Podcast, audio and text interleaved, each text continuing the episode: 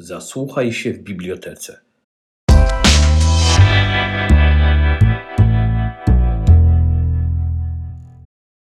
E, dzień dobry Państwu, witamy w e, Sopotece e, na spotkaniu zorganizowanym przez Bibliotekę Sopocką.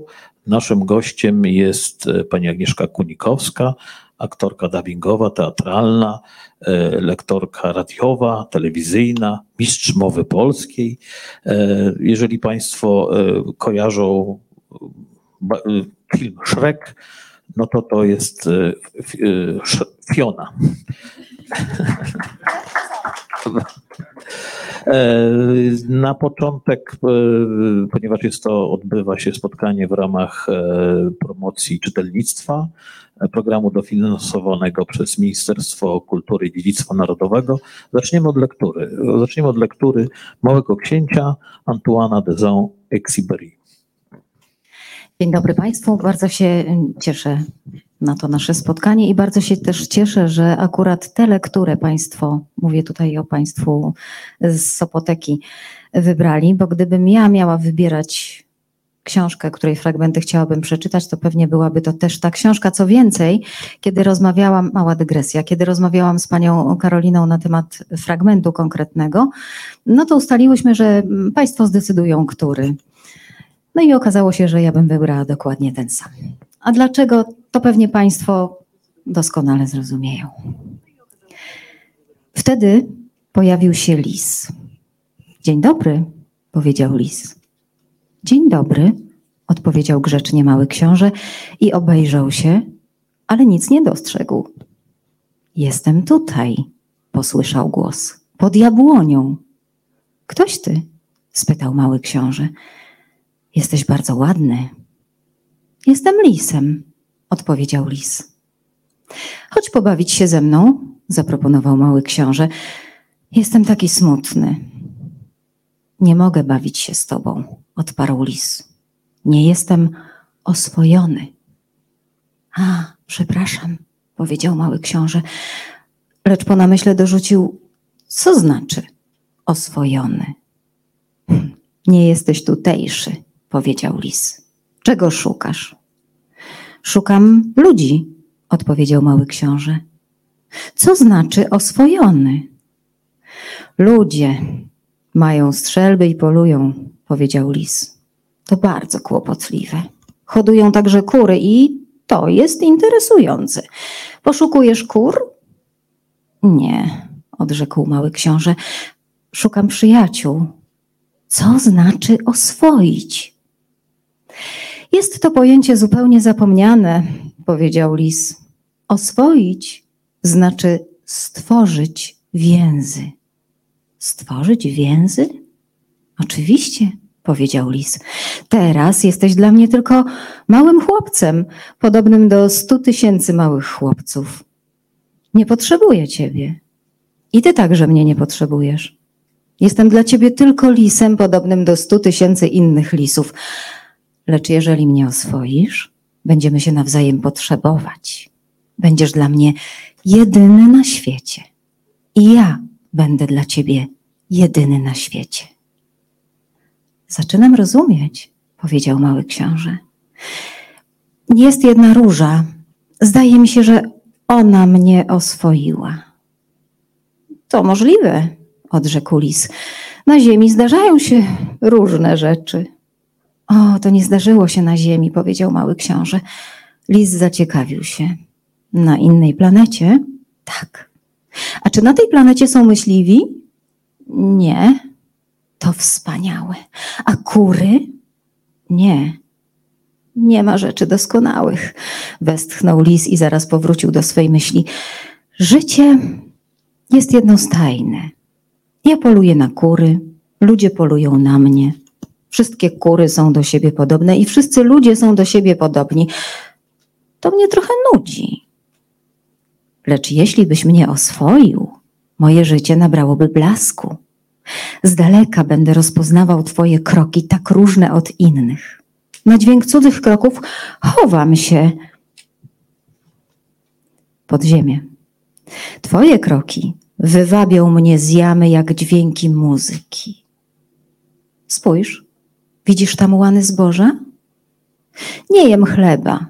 Dla mnie zboże jest nieużyteczne. Łany zboża nic mi nie mówią. To smutne. Lecz ty masz złociste włosy. Jeśli mnie oswoisz, to będzie cudownie. Zboże, które jest złociste, będzie mi przypominało ciebie i będę kochać szum wiatru w zbożu. Lis zamilkł i długo przypatrywał się małemu księciu. Proszę cię, oswój mnie, powiedział. Bardzo chętnie, odpowiedział mały książę, lecz nie mam dużo czasu. Muszę znaleźć przyjaciół i nauczyć się wielu rzeczy. Poznaje się tylko to, co się oswoi, powiedział lis. Ludzie mają zbyt mało czasu, aby cokolwiek poznać. Kupują w sklepach rzeczy gotowe, a ponieważ nie ma magazynów z przyjaciółmi, więc ludzie nie mają przyjaciół. Jeżeli chcesz mieć przyjaciela, oswój mnie. A jak to się robi? spytał mały książę. Trzeba być bardzo cierpliwym. Na początku siądziesz w pewnej odległości ode mnie, od tak, na trawie. Będę spoglądać na ciebie kątem oka, a ty nic nie powiesz. Mowa jest źródłem nieporozumień. Lecz każdego dnia będziesz mógł siadać trochę bliżej. Następnego dnia mały książę przyszedł na oznaczone miejsce. Lepiej jest przychodzić o tej samej godzinie. Gdy będziesz miał przyjść na przykład o czwartej po południu, już od trzeciej zacznę odczuwać radość. Im bardziej czas będzie posuwać się naprzód, tym będę szczęśliwszy. O czwartej będę podniecony i zaniepokojony. Poznam cenę szczęścia.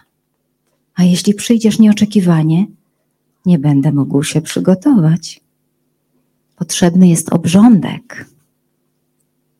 Co znaczy obrządek? spytał mały książę. To także coś całkiem zapomnianego, odpowiedział lis. Dzięki obrządkowi pewien dzień odróżnia się od innych, pewna godzina od innych godzin. Moi myśliwi na przykład mają swój rytuał. W czwartek tańczą z wioskowymi dziewczętami. Stąd czwartek jest cudownym dniem. Podchodzę aż pod winnicę. Gdyby myśliwi nie mieli tego zwyczaju w oznaczonym czasie, wszystkie dni byłyby do siebie podobne, a ja nie miałbym wakacji. W ten sposób mały książę oswoił lisa. A gdy godzina rozstania była bliska, lis powiedział: Będę płakać. To twoja wina, odpowiedział mały książę. Nie życzyłem ci nic złego, sam chciałeś, żebym cię oswoił. Oczywiście, odparł lis. Ale będziesz płakać? Oczywiście. A więc nic nie zyskałeś na oswojeniu. Zyskałem coś ze względu na kolor zboża, powiedział lis, a później dorzucił. Idź jeszcze raz zobaczyć różę. Zrozumiesz wtedy, że twoja róża jest jedyna na świecie. Gdy przyjdziesz pożegnać się ze mną, zrobię ci prezent z pewnej tajemnicy. Mały książę poszedł zobaczyć się z różami. Nie jesteście podobne do mojej róży. Nie macie jeszcze żadnej wartości, powiedział różom. Nigdy was nie oswoił i wy nie oswoiłyście nikogo. Jesteście takie, jakim był dawniej lis. Był zwykłym lisem, podobnym do stu tysięcy innych lisów. Lecz zrobiłem go swoim przyjacielem i teraz jest dla mnie jedyny na świecie. Róże bardzo się zawstydziły. Jesteście piękne, lecz próżne, powiedział mi im jeszcze. Nie można dla was poświęcić życia. Oczywiście moja róża wydawałaby się zwykłemu przechodniowi podobna do was, lecz dla mnie ona jedna ma większe znaczenie niż wy wszystkie razem, ponieważ ją właśnie podlewałem, ponieważ ją przykrywałem kloszem, ponieważ ją właśnie osłaniałem, ponieważ właśnie dla jej bezpieczeństwa zabijałem gąsienice, z wyjątkiem dwóch czy trzech, z których chciałem mieć motyle. Ponieważ słuchałem jej skarg, jej wychwalań się, a czasem jej milczenia, ponieważ jest moją różą. Powrócił do lisa. Żegnaj, powiedział. Żegnaj, odpowiedział lis. A oto mój sekret. Jest bardzo prosty. Dobrze widzi się tylko sercem. Najważniejsze jest niewidoczne dla oczu. Najważniejsze jest niewidoczne dla oczu, powtórzył mały książę, aby zapamiętać. Twoja róża ma dla ciebie tak wielkie znaczenie, ponieważ poświęciłeś jej wiele czasu. Ponieważ poświęciłem jej wiele czasu, powtórzył mały książę, aby zapamiętać. Ludzie zapomnieli o tej prawdzie, rzekł lis. Lecz tobie nie wolno zapomnieć. Stajesz się odpowiedzialny na zawsze za to, co oswoiłeś. Jesteś odpowiedzialny za swoją różę. Jestem odpowiedzialny za moją różę. Powtórzył mały książę, aby zapamiętać.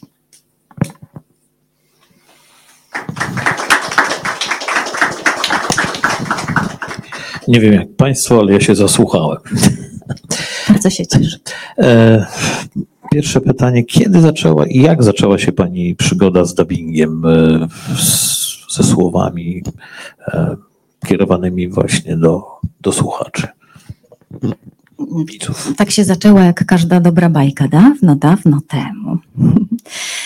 E, Gdyby tak sięgnąć naprawdę głęboko, to muszę powiedzieć, że to się zaczęło już w moim dzieciństwie, kiedy byłam widzem, kiedy oglądałam chyba, no kreskówki także, ale chyba przede wszystkim mm, przedstawienia Teatru Polskiego Radia, e, które ym, były dubbingowane. Czy ja powiedziałam Polskiego Radia? Nie, Teatru Telewizji, przepraszam. Teatru Telewizji oczywiście. Teatr Telewizji miał taki cykl przedstawień robionych przez BBC. To były seriale. Saga rodu Forsythów, saga rodu Paliserów. To zamierzchła przeszłość. Jeśli są tutaj, są, a są osoby y, młode, to, mm, to pewnie nie wiedzą, o czym ja mówię. Ale rzeczywiście, albo jak Klaudiusz. Ja oglądałam te seriale jako dziecko i byłam zafascynowana. Wiedziałam, że to są a, niepolscy aktorzy, ale oni mówili do mnie po polsku i ja byłam zafascynowana tym, jak to się dzieje. No oczywiście wytłumaczono mi, na czym polega ta sztuka trudna, ale bardzo, ale to bardzo mi, mi się to spodobało i potrafiłam rozpoznawać y, błyskawicznie głosy wszystkich aktorów, nawet w, innych produkcjach. To wiedziałam, że o, o, ja Klaudiusz, no tak, no to Stanisław Rydykant, to on tutaj jest teraz jakimś tam panem Zenonem, czy kimś jeszcze. Więc tak naprawdę to bardzo, bardzo wcześnie się to zaczęło. A potem, kiedy już y, wybrałam moją aktorską drogę, mm, to miałam na studiach takie zajęcia, które się nazywały praca z mikrofonem. Mm, Ponieważ ja studiowałam w y, filii krakowskiej y, szkoły teatralnej we Wrocławiu, to odbywały się one we wrocławskim radiu. No i wtedy wpadłam po prostu jak śliwka w kompot, bo stwierdziłam, że mikrofon to jest coś, co ja kocham i chciałabym, żeby to była miłość z wzajemnością. I mm, równolegle cały czas kombinowałam z głosem, jak ja to mówię. To znaczy, mm, czasami nawet na zasadzie jakichś takich wygłupów z kolegami szukałam różnych barw, różnych y, charakterystycznych brzmień. I, I po skończeniu szkoły postanowiłam, że ja spróbuję do tego dubbingu się jakoś tam y, dostać. Y, Trochę z przypadku, a trochę z determinacji to wszystko się zaczęło. Mogę powiedzieć, że ojcem chrzestnym mojego debiutu, właściwie ten debiut ma dwóch ojców. Proszę powiedzieć, jeżeli za dużo gadam, to ja. To, tak, bo. E, Janusz Szydłowski, pewnie Państwu znany doskonale, lektor i speaker radiowy. Znowu muszę zrobić dygresję, bo było tak, że ja po szkole trafiłam do teatru na jakiś czas, a potem trafiłam równolegle jakby do radia. I tam, e, no ponieważ radio to dźwięk, radio to mikrofon, no więc tam mnie pociągnęło. I tam byłam na początku speakerką. I Janusz Szydłowski był takim moim mentorem. Wprowadzał mnie w kanony zawodu speakera, pracy z mikrofonem. I, I ponieważ Janusz pracuje jako lektor, to ja mu się kiedyś zwierzyłam z tej mi mojej miłości do dubbingu i powiedziałam, jak ja bym chciała tego spróbować, tylko mówię, nie wiem jak zacząć, dokąd pójść. On mówi, wiesz co, tam gdzie nagrywam tak zwane szeptanki, czyli y, lektorskie filmy, jest też studia opracowań y, filmów. Ja tam zapytam, czy nie, nie chcieliby przesłuchać takiej jednej. No i zechcieli przesłuchać. Trafiłam do pana Andrzeja Bogusza, reżysera dubbingowego, który dał mi szansę, pozwolił się sprawdzić. Mm, dał mi na próbę coś do zagrania. No i taki był, mm, no nie powiem, że chłodny w ocenie, ale nie był też entuzjastyczny, więc pomyślałam sobie, no pewnie jest ok, ale bez przesady. A po kilku dniach zadzwonił telefon i dowiedziałam się, że pan Andrzej mi powierzył jedną z takich głównych ról w serialu. Drodzy Państwo, no, oszalałam ze szczęścia, ale również z przerażenia, ponieważ ja kompletnie nie wiedziałam, na czym ta sztuka polega. W związku z czym byłam zielona ze strachu, kiedy przyszłam na pierwsze nagrania. Dużo mnie to kosztowało, no ale przekonałam się, że to jest coś, co co ja naprawdę kocham i czego chcę się nauczyć i co chcę robić. I tak to się zaczęło. Także mój, moja droga dubbingowa, tak jak powiedziałam, ma dwóch ojców. Janusz Szydłowski, Andrzej Bogusz. A w jaki sposób e, Pani się przygotowuje, buduje rolę? Czy to trzeba też no, poczytać, o, czy podsłuchuje Pani też innych, bo, bo rozumiem, że te filmy w większości też są dubbingowane na różne języki. Nie, tego się staram nie robić. Mm, w ogóle powiem szczerze, że na przygotowanie to tak za bardzo czasu nie ma, bo jeżeli się na przykład y, nagrywa serial, serial animowany, no to właściwie przychodzi się na nagranie, dostaje się tekst, ogląda się obrazek albo i czasami się nie ogląda, tak robi się tak zwaną próbę rejestrowaną. Wytrawni aktorzy zwykle zaliczają tę próbę z sukcesem i, i nagranie zostaje zapisane, ale mm, no to wszystko się dzieje tu i teraz. Nie ma czasu na to, żebym ja obejrzała cały serial, żebym e, poznała postać, e, jej dynamikę, jej temperament, jej charakter. Nie. To się dzieje od razu na nagraniach. Inaczej troszkę jest w przypadku filmów kinowych. Tak było ze Szrekiem przy jego pierwszej części, że mm, wszyscy aktorzy ku pierwszoplanowi dostali kopię filmu. Taką kopię, że gdyby ją Państwo zobaczyli, to nie wiedzieliby Państwo, co tam jest w ogóle, bo była tak pilnie strzeżona, tak była pomazana, tak była ostemplowana, że to jest property of e, DreamWorks, e, że właściwie ledwo było widać te kłapy na ekranie, czyli ruchy ust postaci. No ale jednak było coś słychać, więc było słychać oryginał. Dostaliśmy też skrypty pod karą śmierci, gdybyśmy je gdzieś mieli wynieść albo komuś y, zdradzić, co tam jest. I tu rzeczywiście, tu się można było z tą postacią bliżej poznać, można było posłuchać, jak mówi ona w oryginale, jak wygląda to tak średnio, ale no, tę dynamikę dało się usłyszeć. Mm, przy czym nie wiem, czy mnie to dużo dało, ponieważ um, jeśli Państwo oglądali oryginał Shreka, to wiedzą, że głosu Fionie użyczyła Cameron Diaz. No jak Państwo słyszą, jak ja mówię, to, to pewnie wydaje się Państwu, że to w ogóle jest inna bajka. I mnie się też tak wydawało, szczerze mówiąc. Więc ja tam za bardzo się nie wzorowałam. I nie, nie lubię słuchać. Nie lubię słuchać innych wersji, żeby się nie zasugerować. A jakie postaci lubi Pani grać?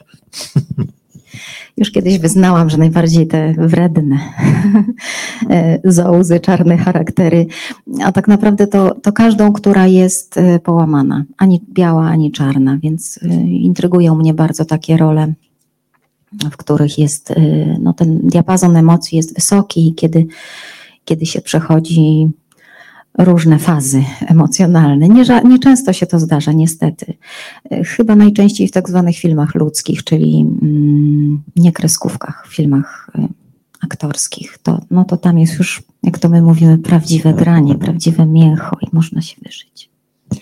No właśnie, bo ja słyszałem to, że jakby dozwolona jest też improwizacja w trakcie e, tych nagrań. E, czy jest tak, że reżyser tego spektaklu wymaga, żeby się trzymać literalnie tego, co tam jest przetłumaczone, czy też zdarzają się właśnie takie. Ale mówimy o warstwie tekstowej, czy o, o, o, o interpretacji, o interpretacji głosowej? O interpretacji. No, do pewnego stopnia mm, trzeba się trzymać oryginału jednak. Mm, no bo to jest taki nasz, y, taki nasz wzorzec, ale wiadomo, że język polski i język angielski się różnią y, i, i bardzo często też w tej y, warstwie tekstowej dochodzi do, do korekty tekstu, no bo coś nie leży, mimo że jest pięknie przetłumaczone po literach, to jednak nie brzmi, no nie jest w stanie aktor tego wypowiedzieć, no, no coś jest nie tak, więc to zmieniamy. Mm, no a jeśli chodzi o swobodę interpretacji, to tak było przy Szreku. No, tak jak mówię, Cameron Diaz i ja, no to są dwie różne wrażliwości. Ja już opowiadałam to tysiąc razy, ale może ktoś nie słyszał, więc powiem, że świętej pamięci Joasia Wizmur, która reżyserowała Szreka, zresztą znakomita aktorka, i której zawdzięczam to w ogóle, że że zagrałam w tym filmie, bo mnie zaprosiła do castingu. A to nie jest tak, że, że się każdego zaprasza, więc mm, jestem jej za to ogromnie wdzięczna.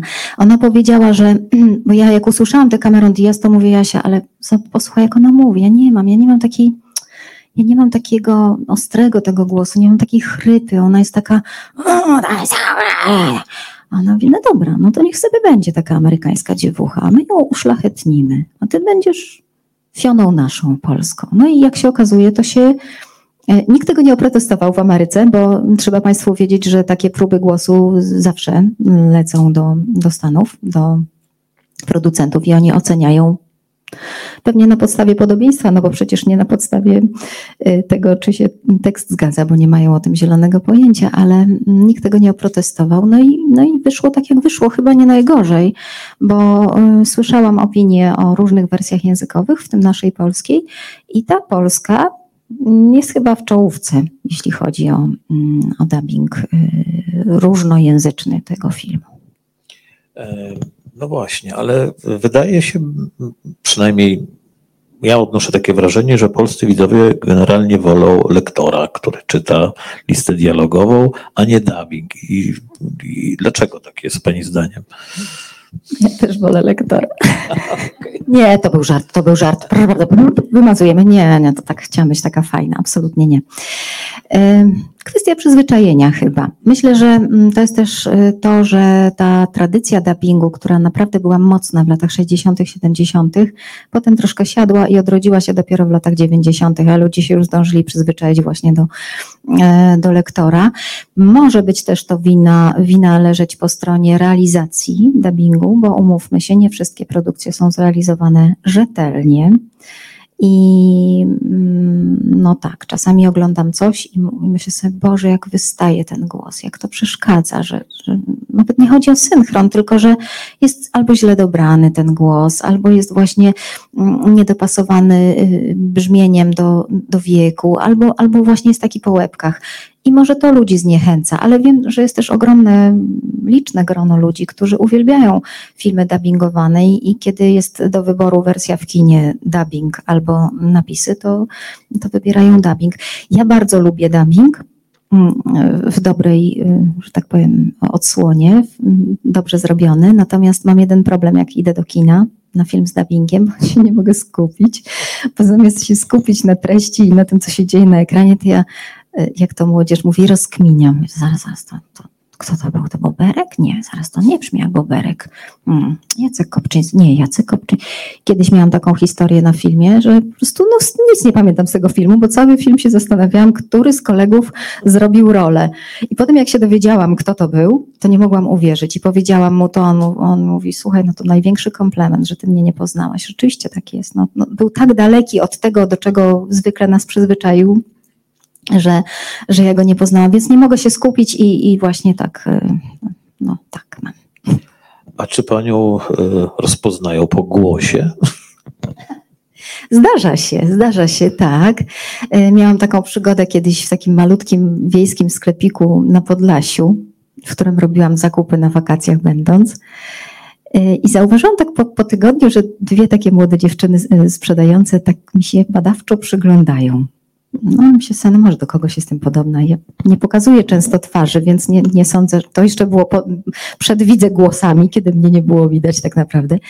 I któregoś razu jedna z nich się odważyła i, i powiedziała, przepraszam, czy pani Agnieszka Kunikowska? No to o nie miała. Mówię, tak. O matko, tak się właśnie z siostrą założyłam. Mówiłam, że to pani, ale ona mówiła, że to nie pani. Ale ja jej mówiłam, no posłuchaj, jak ta pani mówi. No, no posłuchaj, no zupełnie jak... I zaczęła mi wymieniać listy ról moich dubbingowych i to było tak urocze, tak wzruszające, że pomyślałam sobie, no to miłe jest. To miłe, że ktoś... Um, po pierwsze ma taki dobry słuch, jest tak spostrzegawczy, a po drugie, że tak pamięta to, co człowiek zrobił. Także to tak, zdarza mi się. Mhm. A proszę powiedzieć, praca, bo pracuje Pani też w radio. E, ta praca jest pracą na żywo w większości i czy tutaj też korzysta Pani z tego, z tych narzędzi, które Pani posiada przy, przy rolach? Mm, no to jest też praca z mikrofonem, choć zupełnie inna niż praca w dubbingu. Oczywiście technika jest ważna, bo no to jest właśnie to jest praca z mikrofonem czyli to, czego się uczyłam i czego się mm, uczyłam w, i w szkole, i potem na początku w dubbingu. Więc to jest specyfika mówienia, jakieś tam opanowanie oddechu i tak dalej, i tak dalej. Mm, no ale to, to są dwa różne światy. Tutaj jestem dziennikarką, tam jestem odtwórczynią jakiejś tam, jakiejś tam roli. Audycje na żywo są świetne, ja je uwielbiam, ale są bardzo wymagające, ponieważ no, no wszystko się może zdarzyć, różne niespodzianki mogą się przytrafić, ale to jest miłe, bo, bo to wymaga takiej mm, koncentracji i, i, i refleksu. No, ja kocham radio, kocham jako słuchaczka. Urodziłam się z uchem przy radiu, jak ja to mówię. Też bym nigdy w życiu nie przypuszczała, że e, jako, jako dziecko to ja potrafiłam wy, wyrecytować ramówkę programu pierwszego na pamięć. Od e, poranka pod kogutkiem, czy jak to tam się nazywało, nie wiem, radzimy rolnikom, nie to w telewizji chyba, e, do, do wieczornych audycji, bo cały czas w moim domu grało radio i nigdy bym w życiu wtedy nie pomyślała, że kiedyś to mój głos z tego radia popłynie, z tego, które stało w rodzinnym domu w kuchni. Także no, coś jest w tym mikrofonie, że tak mnie przyciąga, że się tak schowałam za nimi i nie chcę się dać wyrzucić. A proszę powiedzieć, czy są, zdarzają się jakieś e, rzeczy, wracam do dubbingu, e, które, no jakieś wydarzenia, które zapadają w pamięć, nie wiem, wesołe, smutne, czy coś się dzieje po prostu tak? W czasie pracy? Tak. Mm, no tak, no było parę takich przygód. Ja zawsze żałuję, że ja tego nie spisuję, bo pamięć jest tak ulotna.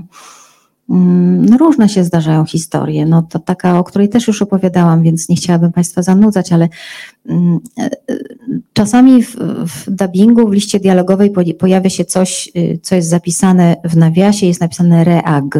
To znaczy, że postać reaguje. No żeby, jak, żeby się przekonać, jak reaguje, trzeba obejrzeć fragment filmu i zobaczyć, czy to jest kaszel, czy to jest o, że ktoś cierpi, albo nie wiem, że się śmieje. E, w Szreku była taka scena, gdzie Fiona ze Szrekiem jedzą szczury polne przy ognisku. Romantycznie zachód słońca się zbliża niestety. No i mm, oni tam pogryzają te szczury i normalnie to się robi tak, że no, a kto potrafi zrobić, że powzujemy szczura. Szczur polny w bardzo, bardzo dobry. Ale Jasia była cały czas niezadowolona z tego mojego markowania i, i wymyśliła, że ja muszę coś naprawdę mieć w ustach. No to wymyśl... ja z kolei wymyśliłam gumę do rzucia, tak średnio z tą gumą, no to dwie, żeby było więcej tego czegoś w ustach. Nie, to nie dawało rady. E, no to Asia pobiegła do bufetu i przyniosła kromkę chleba graham, niezbyt świeżą e, i z twardą i suchą no i ja z tym Grahamem zagrałam przez scenę, było świetnie, ale już pod koniec po prostu oczy miałam na wierzchu i wychodziły mi z orbit, ponieważ czułam, że się duszę. I potem była akcja ratunkowa pod tytułem biegniemy do bufetu po litr wody, żeby kunikowską ocucić, żeby się na mnie nie zadławiła. Więc to są takie, to są takie momenty, są takie momenty, kiedy się gotujemy, czyli mm, w żargonie aktorskim no po prostu pękamy ze śmiechu, nie wiadomo dlaczego. I nie, nie jesteśmy w stanie przebrnąć przez jakąś kwestię. Nie jesteśmy także w stanie czasem przebrnąć przez kwestie z powodów dykcyjnych. Mm, I to nie zawsze jest tak, że ona jest bardzo trudna, ta kwestia, ale czasem no coś takiego jest, że się po prostu nie daje i koniec. I wtedy trzeba iść gdzieś dalej, do innego miejsca, a potem się e, wraca. Ja pamiętam taką jedną kwestię, to akurat nie jest takie łatwe, proszę spróbować to powiedzieć głośno. Dzielny minstrel Orlando szybko to powiedzieć. Dzielny minstrel Orlando. Prawda? No, więc, więc takie, takie rzeczy się zdarzają. E, fajnie jest na gwarach. Gwary to są takie sceny zbiorowe, które się gra, bo, bo zwykle aktorzy grają sami. To znaczy, no, na przykład scena wspomniana Szreka z, z Fioną i Szczury była grana osobno. Ja grałam osobno, Zbyszek Zamachowski grał ją osobno. No takie są techniczne wymogi, to wtedy idzie szybciej, potem się miksuje, reżyser pilnuje zgodności, tylko mm, no, no żeby to było prawdziwe po prostu, żeby to grało. Natomiast są gwary, w, w, na których zależy realizatorom na tym, żeby było dużo głosów w tym samym momencie. Jakieś sceny takie zbiorowe, czy okrzyki, czy stadionowe, czy jakieś imprezy.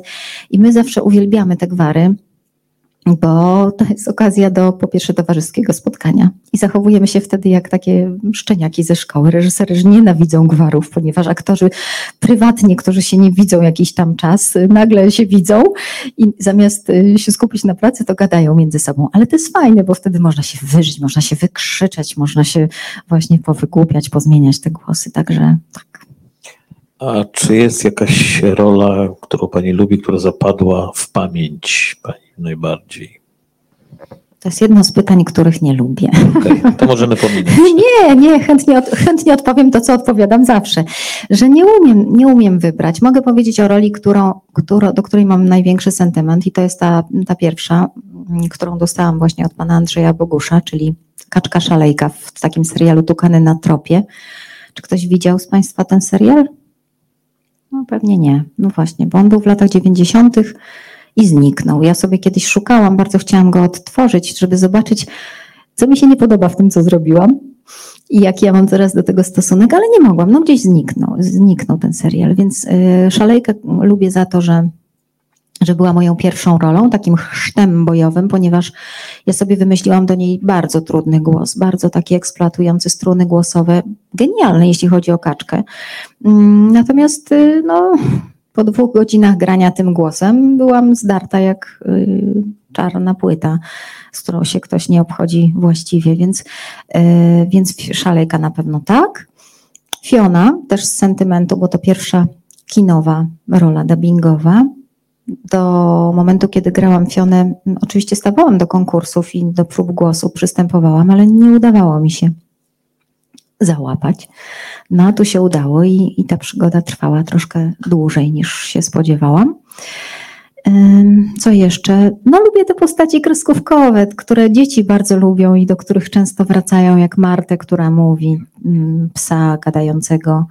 To pewnie Państwo kojarzą. Dowiedziałam się niedawno, że to jest postać kultowa. Marta, także tak. Podobnie jak Franklin. Podobnie jak Franklin, oczywiście. Tak. Ta, no tak, to też był taki tasiemiec straszny ten Franklin, ale kochany, naprawdę, lubiłam to grać. E, był jeszcze taki niemiecki, a propos tasiemców, mm, a niemiecki serial o Pinokiu, w którym ja grałam Pinokia.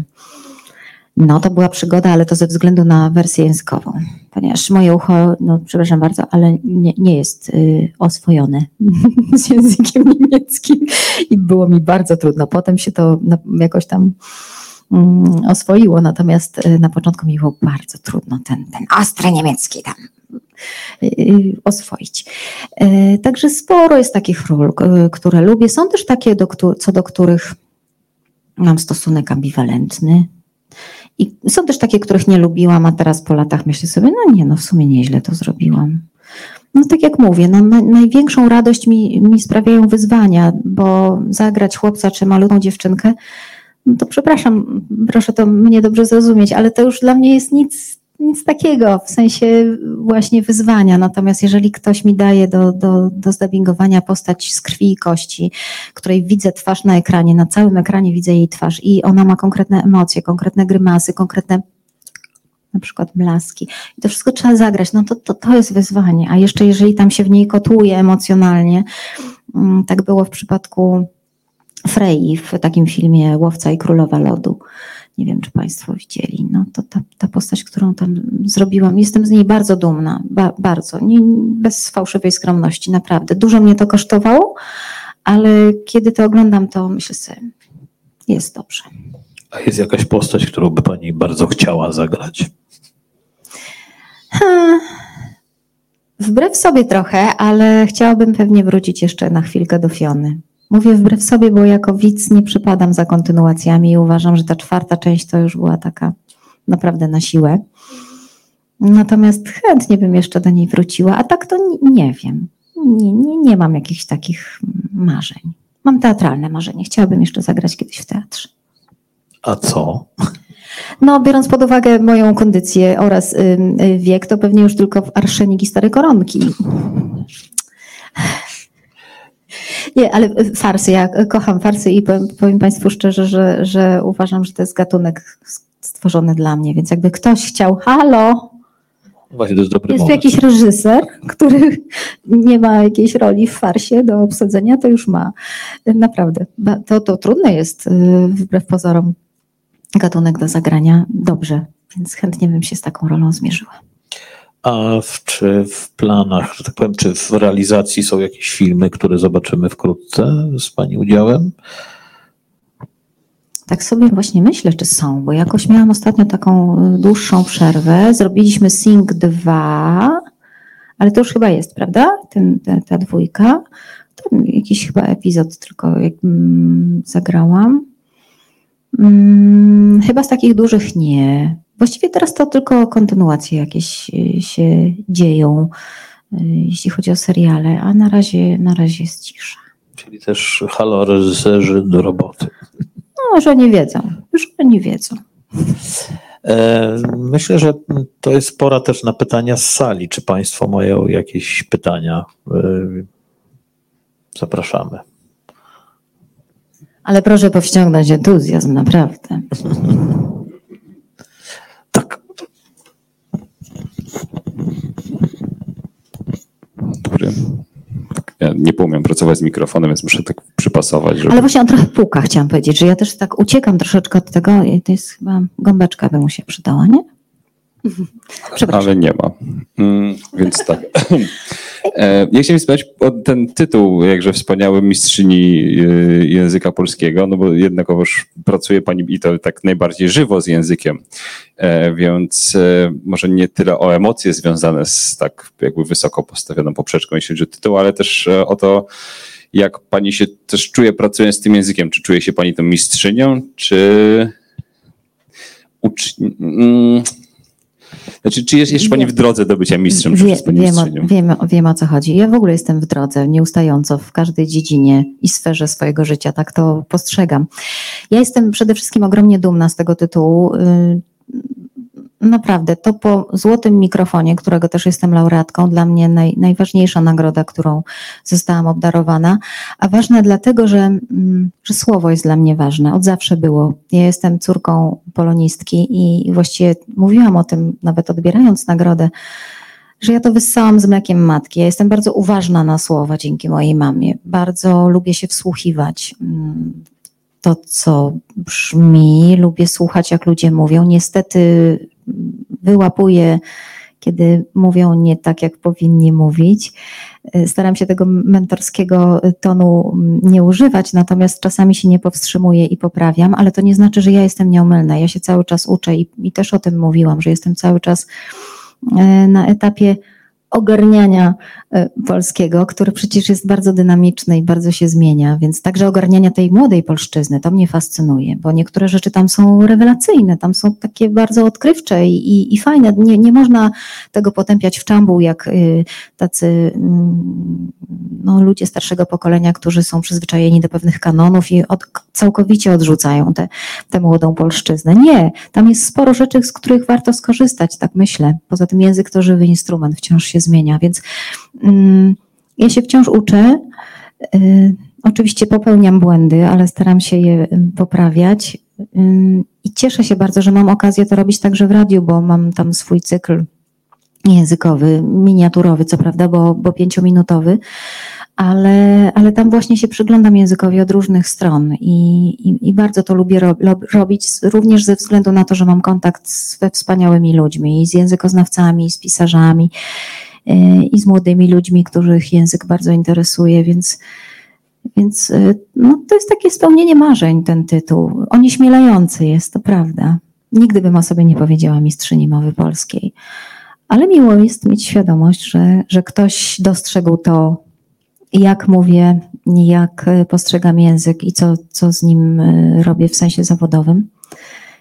I że to docenił właśnie, honorując mnie taką nagrodą. Czy ja jeszcze mogę dalej lecieć, jakby nie mam najmniejszego problemu. Chyba, Może że- pan ośmieli innych. No bo pracując z tekstem przy, przy, przy na przykład dubbingach najbardziej, no to czy też jako osoba właśnie, która żyje z tym językiem mm, i poprawia też, znaczy niezbyt nachalnie, ale poprawia jednak i wie, ma pewną wiedzę, to na przykład zdarza się czasami walczyć ze scenarzystami lub reżyserami, że na przykład takie coś to tak, mm, mm, to nie brzmi, to nie w tę stronę. Walczyć to nie, ponieważ to są też ludzie wykształceni i oni też y, mają świadomość językową, zwłaszcza tłumacze, ale zdarza mi się coś y, przeforsować i nie, nie mam z tym problemu, bo jeżeli udowodnię, że mam rację, że to, to rzeczywiście ta forma jest poprawna, a nie ta, którą zaproponował dialogista, to absolutnie, absolutnie nie ma z tym problemu. No mamy wielu wspaniałych dialogistów. Mówiliśmy o, Szre- o Szreku, to Bartosz Wierzbięta, który no, dokonał też rewolucji, jeśli chodzi o tłumaczenie tekstu, y, robiąc wiele nawiązań do naszej kultury, naszej popkultury także. Także to było bardzo takie ożywcze. No ale zdarzają się też takie dialogi, niestety, y, które właściwie należałoby usiąść i napisać od nowa. No ale to tak jak z tym dubbingiem nie, nie zrobionym, zrobionym na kolanie. No, no wszędzie coś takiego się zdarza, niestety. No dobra, jest to jeszcze dwa malutkie, ale takie ma, ma, Malutkie. E, Bo, bo wspomniała Pani właśnie o Panu Wierzbięcie, e, wierz, nie wiem, czy to się odmienia, po Panu Bartoszu. Wszystko się odmienia, deklinujemy, deklinujemy. Opowiem Państwu anegdotę zaraz. O, poproszę, no, no niech Pani zacznie, a potem zadam pytanie. A propos, y, kiedyś byłam e, świadkiem. Ja w ogóle, lub, znowu dygresja mała, ale lubię, powiedziałam, że lubię się wsłuchiwać w brzmienie słów, ale w ogóle lubię lu- słuchać ludzi i podsłuchiwać też czasem troszkę. Y, Robię to dyskretnie, Mm, ale notuję sobie nawet niektóre dialogi. I kiedyś takie dwie młode panie rozmawiały na przystanku. Ja usłyszałam i wzmogłam czujność i jedna do drugiej mówi tak, no i jak było na tym weselu? No spoko. No dobra, ale co? No tak nie bardzo? No, nie. no ale co, muzyka nie tak, y, przepraszam, y, jedzenie nie takie? Nie, no spoko, ale no co, co, towarzystwo? Nie, no. To co, muzyka? No, muzyka. Ale co? Ja po prostu nie cierpię disco pola. I ja sobie wtedy pomyślałam, no nie jest źle. Nie jest źle, tak się narzeka na to, że ludzie nie odmieniają. A to proszę bardzo, deklinujemy, deklinujemy, więc deklinujemy. Wie- Wierzbięte też. Dobrze, więc um, wspomniała Pani o Panu Bartoszu Wierzbięcie. Bardzo dobrze. Em, em, I no, i on zdecydowanie wprowadził trochę taki no, nowy powiew, mi się wydaje, chyba w tłumaczeniu i tego. Czy też pani pracując, będąc wtedy aktywną mm, dubbing, aktorką, po prostu aktorką, e, zauważyła pani też taką różnicę, że to trochę zmieniło tę jakość tłumaczeń i jednak ten. Yy, tak, zauważyłam również modę na wierzbięte, tak bym to nazwała, że potem każdy dialogista się silił, żeby po prostu zabłysnąć humorem i czasami udatnie to wychodziło, a czasami tak rzeczywiście na siłę i, i, i szczerze mówiąc to było takie, takie bez, bezrefleksyjne troszkę kopiowanie. No ale tak, rzeczywiście, no, no, sam film zresztą mm, to był przełom, prawda? To, to była zupełnie inna, inaczej opowiedziana historia. My byliśmy przyzwyczajeni do tych pięknych, kolorowych, cukierkowych, disneyowskich produkcji, a tu nagle się pojawia główny bohater, który wygląda jak wygląda, mówi to, co mówi. No i, no i jak, no. Także to wszystko razem, wszystko razem. Myślę, że to był taki no, duży przełom, jeśli chodzi o, o filmy animowane i o dubbing także i o dialogi. Tak, cieszę się, że mogłam być tego częścią. To już ostatnie obiecuję w takim razie Ale państwem. proszę się nie powstrzymywać, no przecież jechałam tu z Warszawy, to troszkę sobie pogadam chętnie. Ja już ostatnio taką nerdozą trochę polecę, także, bo ja mam oczywiście pytanie o, o gry komputerowe. Dziękuję. Znaczy THX. No, Mm. Rachel. No. Dobra. E, więc jeśli chodzi o gry, no to oczywiście mm, no ma Pani ogromny dorobek tutaj też e, mm, i nie ukrywam, że jednokrotnie słyszałem Pani głos z komputera, więc teraz delikatny mam dysonans poznawczy widząc, ale e, mam pytanie trochę bardziej techniczne. Czy odczuła Pani jakąś znaczną różnicę tłuma- znaczy mm, dając głos postaci tłumaczonej, czyli będącej oryginalnie anglojęzycznej, a na przykład dając głos i tutaj Tris Marigold na przykład, która była jednak pisana w języku polskim. I no wiadomo, że w grach trochę inaczej się oddaje też emocje, uczucia niż w tych animowanych serialach, bo też e, sposoby są trochę inne i technika. Ale czy było czuć różnicę przy jakby wczuwaniu się w tę postać? To zacznę od, y, od y, nie od końca, tylko zacznę od tego, o czym Pan powiedział o dysonansie poznawczym, że to jest normalne, to przecież nie przejmować. To wszyscy tak mają. Jak się pojawił film na kanale y, Widzę Głosy, to jak czytałam komentarze, to co drugi był taki, o matko, ktoś dubbinguje yy, Kunikowską na przykład. No. Yy, I że im się tam nie skleja, więc to normalne. I, jeśli chodzi o to, co Pan pyta, to... Czy było inaczej? Y, chyba było trudniej, bo jeżeli się ma ten wyznacznik y, oryginału, czyli w uchu postać, która mówi po angielsku, no to gdzieś tam się człowiek tym, tym tropem e, przemieszcza. A tutaj trzeba było rzeczywiście wszystko stworzyć y, od nowa i mieliśmy tylko, w ogóle gry są trudne do grania, proszę Państwa, bo tego się nie gra chronologicznie. To są jakieś y, fragmenty, które się niejednokrotnie powtarza. Właściwie myślę sobie, no po co ja mam 40 razy mówić, tu jestem, jestem tu, tu jestem.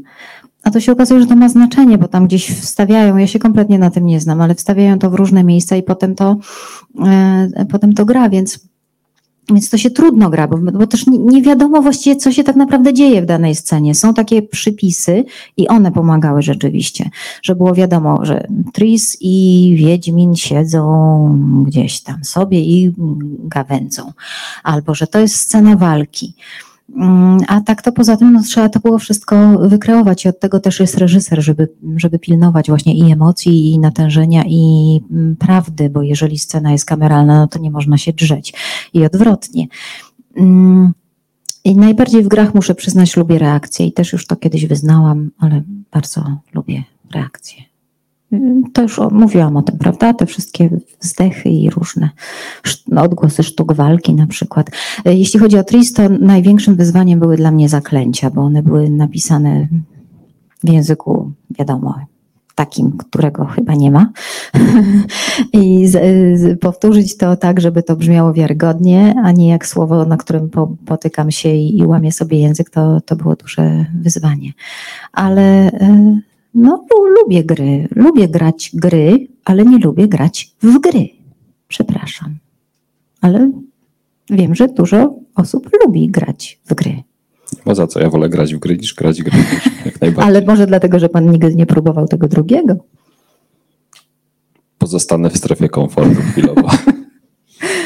to, jest, to już takie na, na kropkę na końcu. A jak się pani czuje w scenach walk? Ojcia! Dobrze, dobrze się czuję. I ja w ogóle lubię robić rzeczy wbrew sobie, znaczy, a może inaczej, może wbrew temu, jak jestem postrzegana.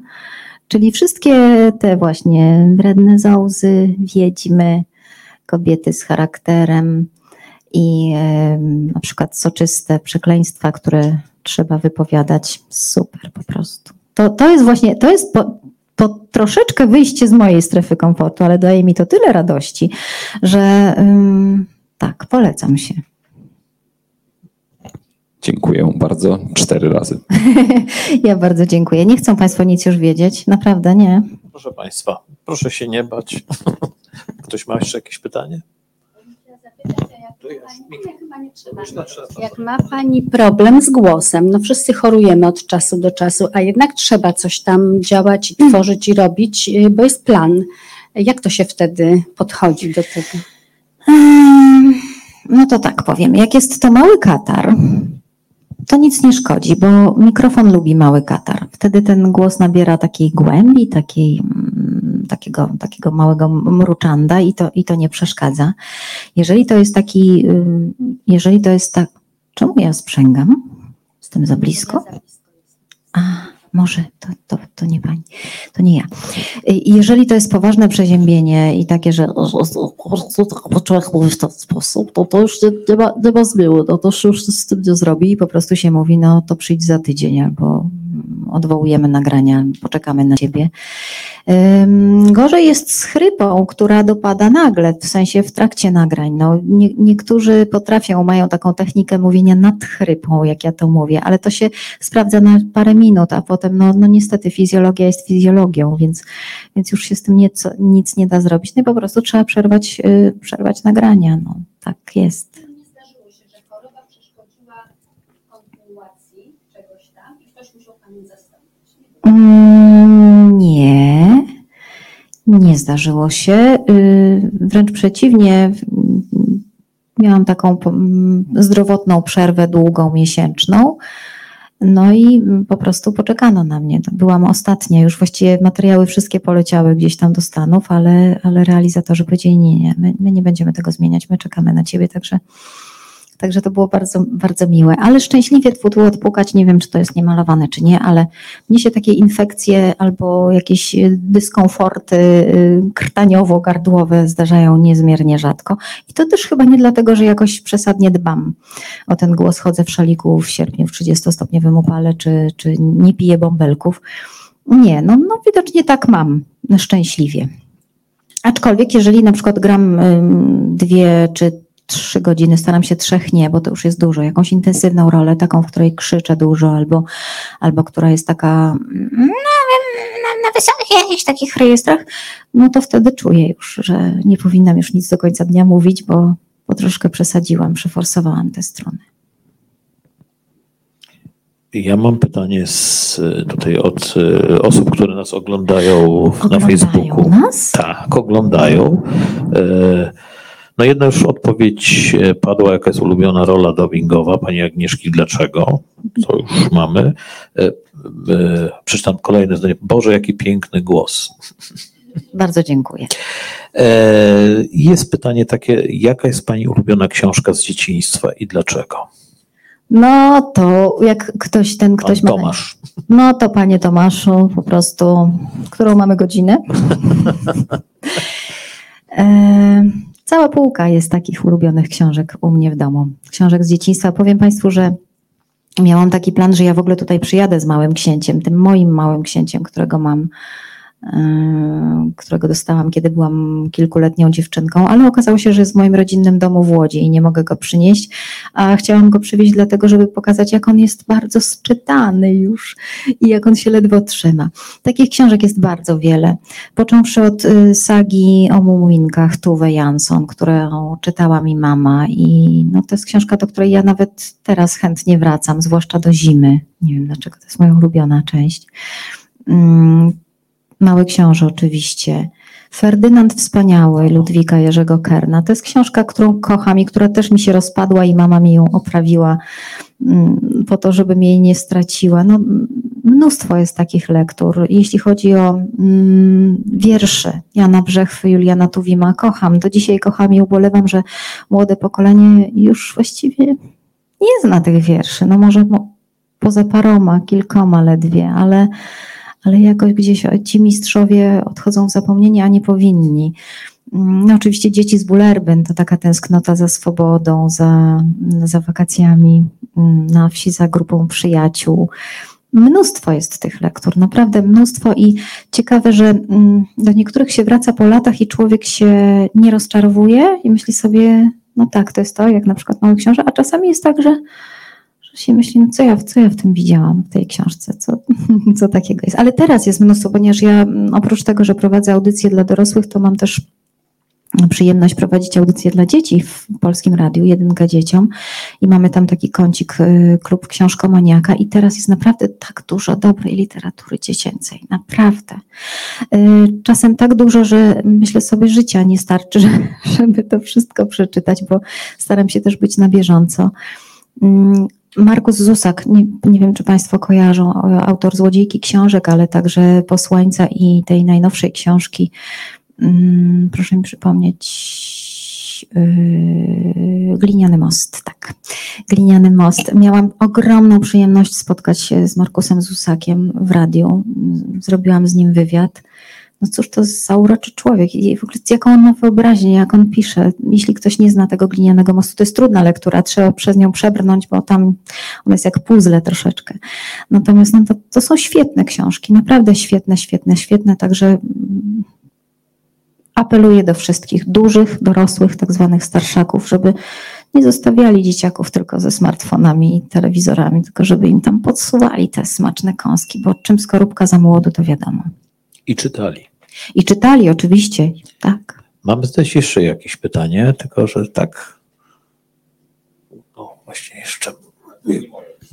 Ale dlaczego pan, bardzo interesujące pytania pan zadaje. Nie, mam pytanie od chorej koleżanki, która bardzo chciała tutaj być, ale e, nie dała rady, bo ją gardło zabiło, więc pozdrawiam Paulinę. Mm, Więc tak, czy ma Pani jakieś ulubione słowa? No to jest kolejny temat rzeka. tak, ja y, mam ulubione słowa, mam też takie, których nie lubię. Jednym z moich ulubionych słów jest słowo mleko, chociaż samego mleka nie lubię, chyba że odrobinę do kawy, bo mleko, mleko, proszę posłuchać jak ono brzmi. Jestem w ogóle słuchowcem, co już wyznałam i ja odbieram słowa na ucho. U, u, niektóre mnie urzekają swoim brzmieniem, jak na przykład mleko albo plusz, przepraszam, plusz, to też jest piękne. Bardzo lubię mm, takie słowa, które opisują to, y, że mówisz słowo i od razu wiesz, jak to coś wygląda, prawda? Jeżeli coś jest okrągłe, no to wiadomo, jakie jest, prawda? Przez te samogłoski, które tam są okrągłe. Uwielbiam onomatopeję. No po prostu pasjami. Kocham te wszystkie hopsa, siup, brzdęk, krz, ziu. Y, Uważam, że to jest coś cudownego. Lubię zdrobnienia, ale lubię też zgrubienia. Mm, Nie przepadam za słowami, które są takie twarde bardzo, jak na przykład karamzy to beton. Albo, chociaż z drugiej strony takie szczękoczułki, albo nogogłaszczki, to, to trochę co innego, bo to szeleści, prawda? Ale co jeszcze? Dezoksyrybonukleinowe, no dramat. Mm, Takie, lubię takie słowa, które, do których można się przytulić, które można pogłaskać, które są takie, wywołują miłe skojarzenia. Niektóre przekleństwa też są fajne. Wiem, że mogę zabrzmieć obrazoburczo, ale, ale tak jest. One są po coś też. To, to tylko kwestia. Nie, nie, nie, będę cytować. Niedawno zrobiłam nawet odcinek o przekleństwach. Nie padło żadne słowo brzydkie, ale wszyscy wiedzieli, o czym mówimy z panem profesorem. Mm, e, To jest tylko kwestia proporcji. Jak się za dużo przeklina, to one tracą moc, tracą swoją urodę, ale odpowiednio użyte przekleństwo i tak mo- może mieć e, swój dźwięk. Natomiast muszę wyznać tutaj, i to już kiedyś też mówiłam, nie znoszę pewnego słowa, mm, które jest wulgarnym słowem, a które się bardzo pleni i czasami nawet nie jest wypikiwane już, kiedy pada w mediach. To jest taki mm, przysłówek, który się rymuje ze słowem jedwabiście. Super. Dziena. To właśnie padło pytanie jeszcze jedno od pani Pauliny. E, Czy ma pani jakieś słowo, które usunęłoby pani ze słownika, gdyby miała pani taką moc? No może to, o którym wspomniałam, chociaż z drugiej strony, ja wiem. Nie wiem, czy bym usunęła. No bo wszystko jest po coś, tylko ja myślę, że największą karą dla tego słowa byłoby, gdyby go nikt nie używał. Ono by się wtedy samo usunęło po prostu. Prawda?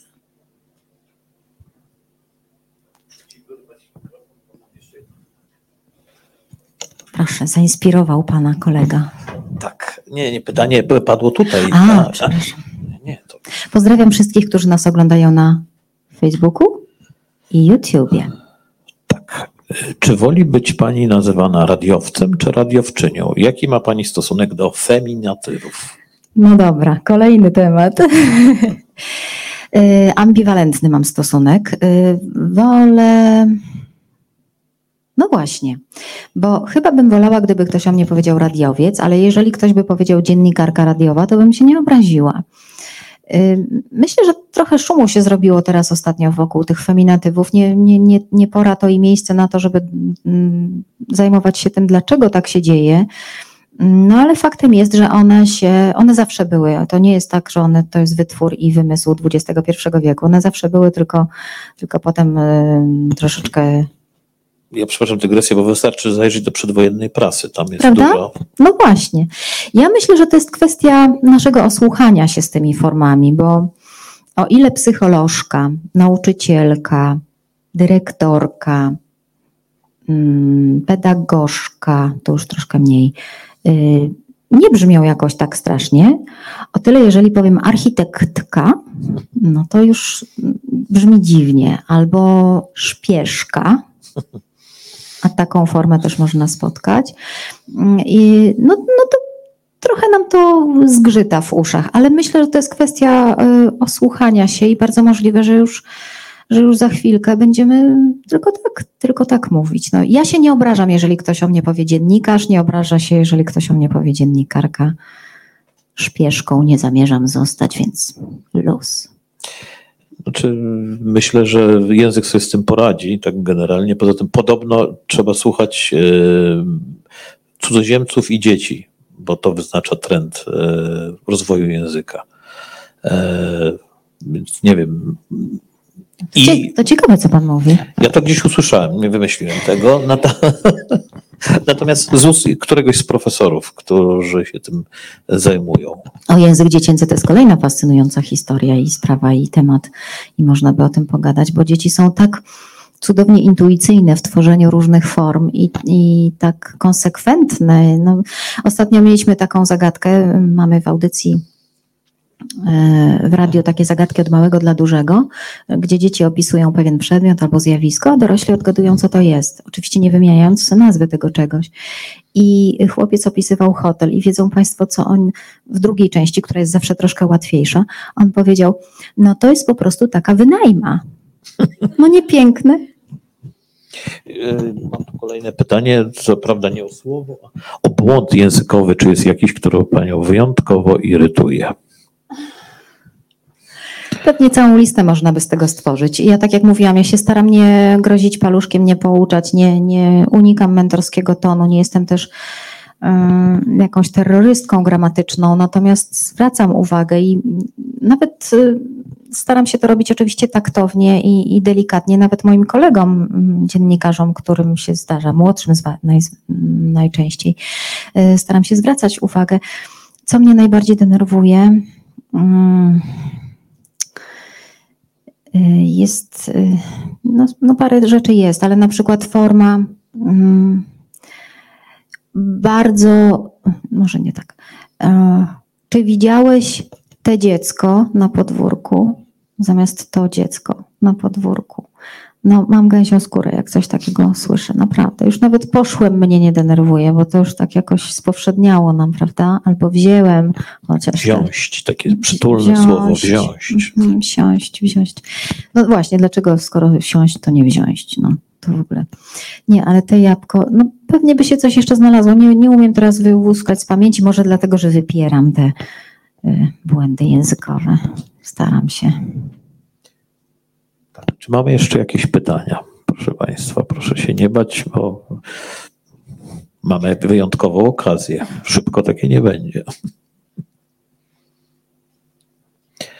To ja, ale mogę ja zadać pytanie? Oczywiście. Państwu? A może tak zrobimy. Właśnie. To ja mam pytanie, czy Państwo są y, przywiązani do mm, dubbingu, w tym sensie, że właśnie to, to o czym mówił mój przedmówca, że mm, kochają Państwo dubbing, lubią dubbing, czy wolą jednak wersję z lektorem? Czy Państwa dubbing irytuje?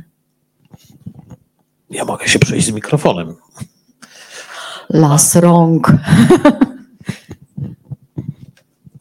Poniosę to brzemię za całą salę w takim razie. Mm, Znaczy, nie będę wchodził za bardzo w anegdotki może, bo jednakowoż nie jestem gwiazdą tego spotkania, aczkolwiek aczkolwiek Ale powiem Panu, że na drugoplanówkę to Pan zasłużył. A dziękuję bardzo. Szczególnie z, taki, z, z takich ust i takim głosem to usłyszeć, to jest prawie jak tytuł mistrza języka. Mm, e, Wydaje mi się, że to jest chyba kwestia po prostu jakości dubbingu. Tak jak też pani powiedziała, ten dubbing kiedyś był dużo gorzej robiony i czasami po prostu to gryzło w mózg wręcz, jak się słyszało i widziało ten twarz niedopasowaną do głosu i tę mimikę niedopasowaną tego, co jest mówione.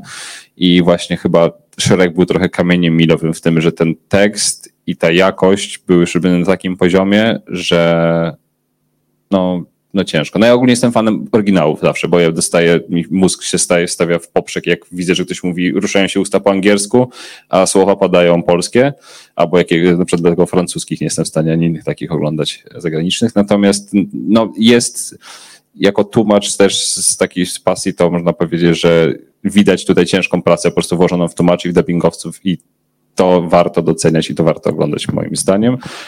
No i w przypadku gier też jak najbardziej, bo w ogóle z tego co wiem, to znaczy z tego co grałem i słyszałem, to raczej jest bardzo wysoki poziom w ogóle naszego dubbingu, jeśli chodzi o gry komputerowe. Bardzo dziękuję za to uznanie. I teraz mi się jeszcze przypomniało, bo Pan mnie pytał o to, co, co nowego, ale za dużo nie powiem, bo nie wolno mi powiedzieć, ale szykuje się, bo teraz sobie przypomniałam, jak Pan o tych grach mówił, y, szykuje się kolejna część kultowej pewnej gry, w której będę Tak. brać udział. Tylko ci.